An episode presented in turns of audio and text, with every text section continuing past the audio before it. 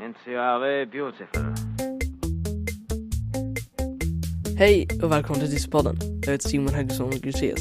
Den här podden ska handla om att vara konstnär och ha dyslexi.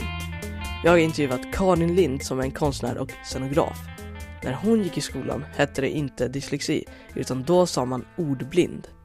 Men innan vi lyssnar på vad hon har berättat ska jag säga en grej om Diss-appen. Det finns en ny uppdaterad version av Diss-appen. Om du inte har den så bör du hämta den. Det gör du på App Store eller Google Play Store beroende på om du har en iPhone eller en Android-telefon. Innan du kan installera den nya appen så behöver du radera den gamla som du har. Sedan kan du ladda ner den nya. Så kom ihåg att hämta den nya versionen av Diss-appen. Då kommer appen fungera så mycket bättre. Men nu ska vi träffa konstnären Karin Lind. Three, two, one. Och Karin, var är vi nu? Vi är i vår ateljé och vi jobbar i den här lokalen. Och nu står du mitt inne i min egna privata del som jag brukar måla i. Och här inne vill jag alltid vara i fred. Men nu har jag släppt in dig här.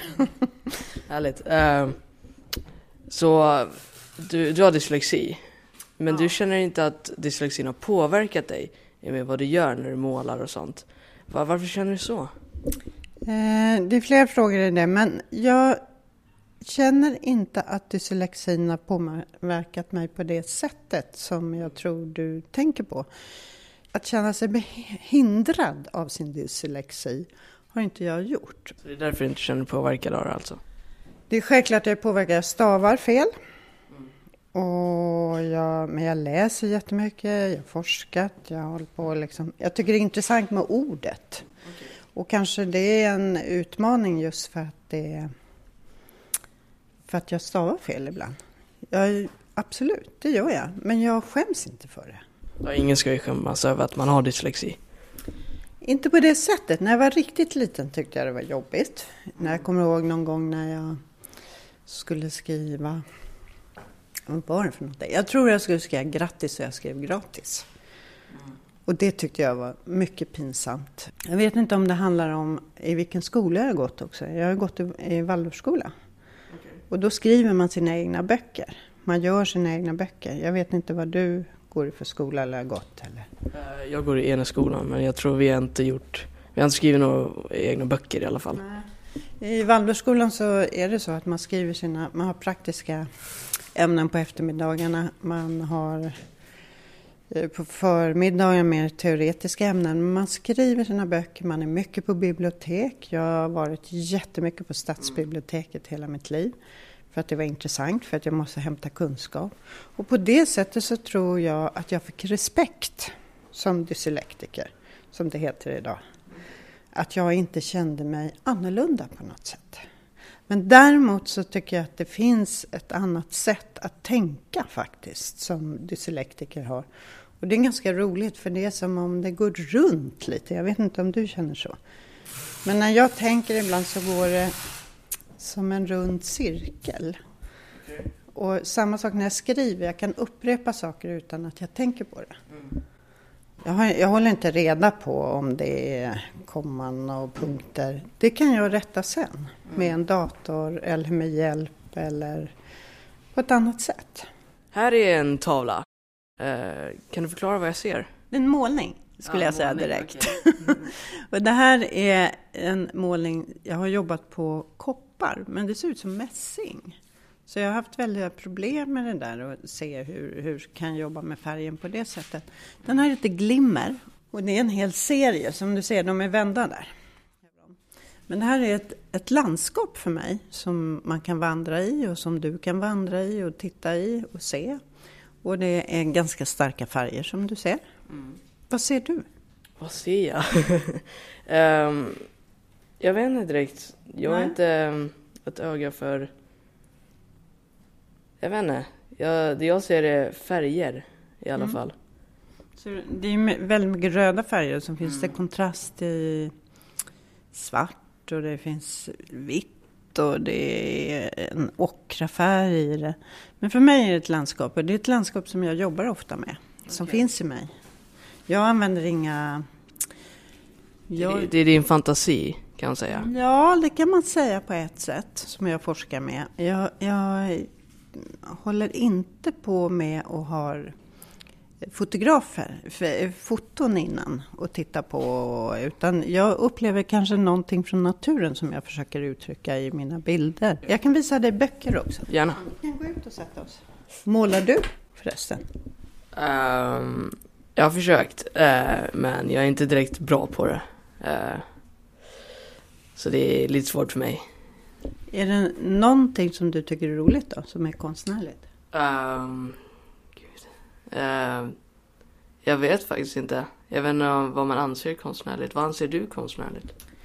Alla olika kulturområden som från musik till eh, måleri, till skulptur, till textil, till teater, till... Det finns ju massor.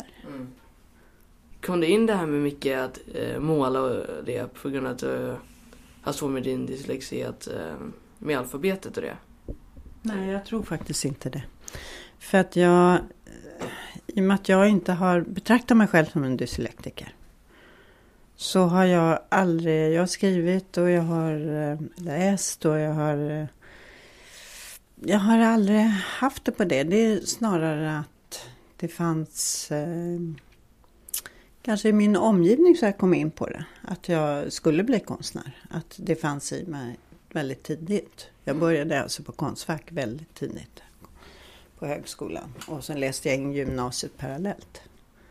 Så jag var 24 när jag gick ut och hade gjort min femåriga högskoleutbildning som mastern. Och det tror jag också är någonting med dyslexi, att man är ganska snabb i vissa saker. Kan du känna igen det? Ja, det skulle jag säga. Vissa saker är jag Ja. väldigt samtänkt och vissa saker är jag väldigt långsam.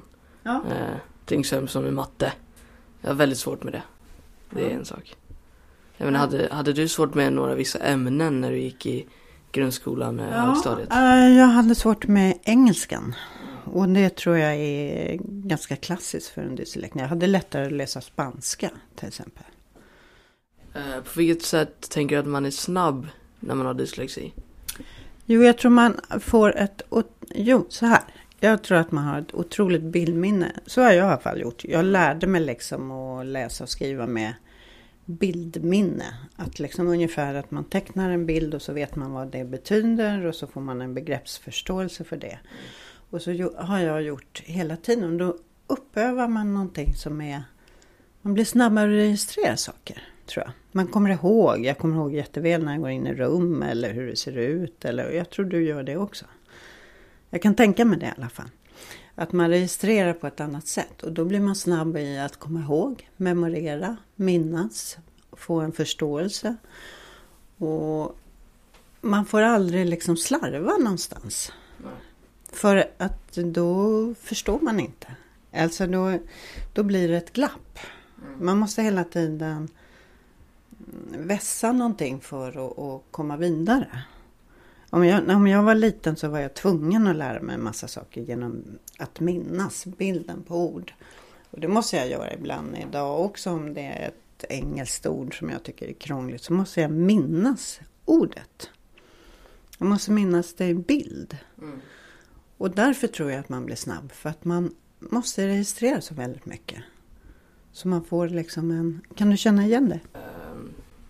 Um, man registrerar bilden i huvudet? Ehm, ja, det skulle jag nog säga. Kanske lite. Jag har inte tänkt på det så mycket, skulle jag säga. Ja. Ehm, ja, jag vet inte. Direkt. Nej, men det är ganska spännande att tänka på, tycker jag. Att är, är det så eller är det inte så? Sen kan det ju vara andra saker som kanske går långsamt. Men jag menar att man får ett tänk som är... eh, Man måste få ett grepp, tror jag. Och därför så tror jag att man tränar sig väldigt mycket som dyslektiker. Blir snabb och få en förståelse över allting. För att få alla de här sammanhangen som man jobbar i.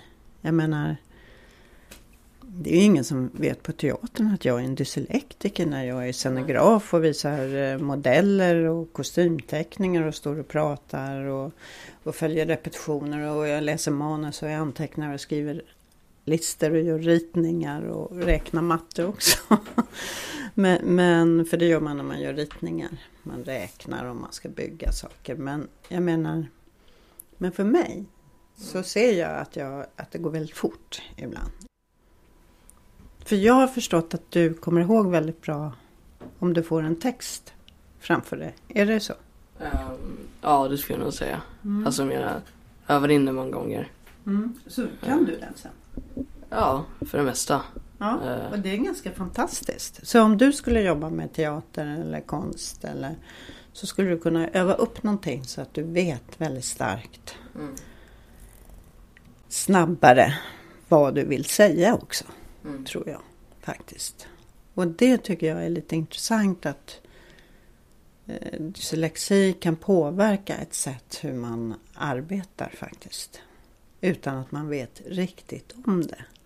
Att det är så, att det Mm. styr en. Mm. Och då behöver det inte vara ett hinder.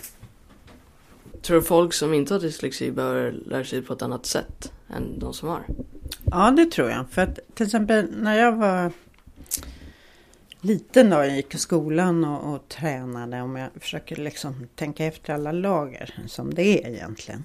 Mm. Så var det, jag satt ju på biblioteket jättemycket och skrev och läste för att liksom få det här bildminnet. Så det är en, det är en speciell förmåga som man arbetar, som man får liksom en känsla för. En, en snabb, och det är det jag menar med den här snabbheten, att man måste vara väldigt alert för att hänga med överallt, för att veta. Och det är väl ett sätt att bemästra en dyslexi-situation tror jag.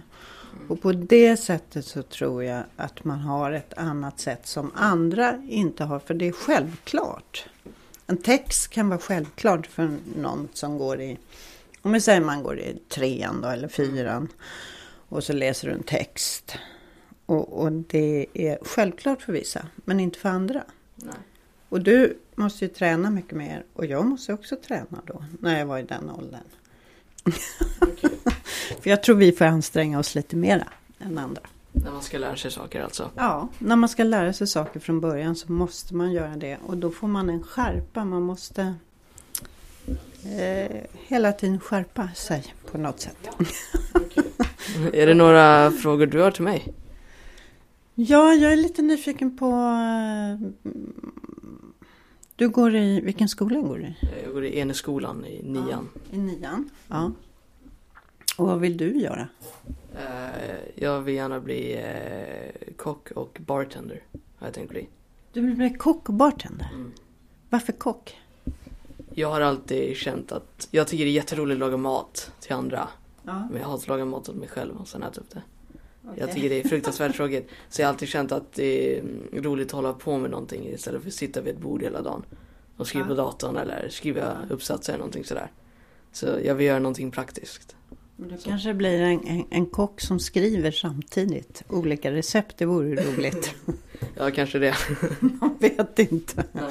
Man vet inte vad det där kan ta vägen. För det, det, jag tror jag har en förmåga som du ska ta hand om. Som faktiskt dyslektiker har. Mm. Det kanske är en hemlighet. Ja. Tack så mycket Karin att jag fick komma hit till din ateljé. Tack själv. Tack för att du lyssnade på Dyssepodden. Hej då! Vi som står bakom Dyssepodden är Föräldraföreningen för dyslektiska barn, FDB. FDB hjälper och stöttar föräldrar som har barn med dyslexi. Mer information hittar du på ftb.nu. Dissepodden produceras av Trapets Media.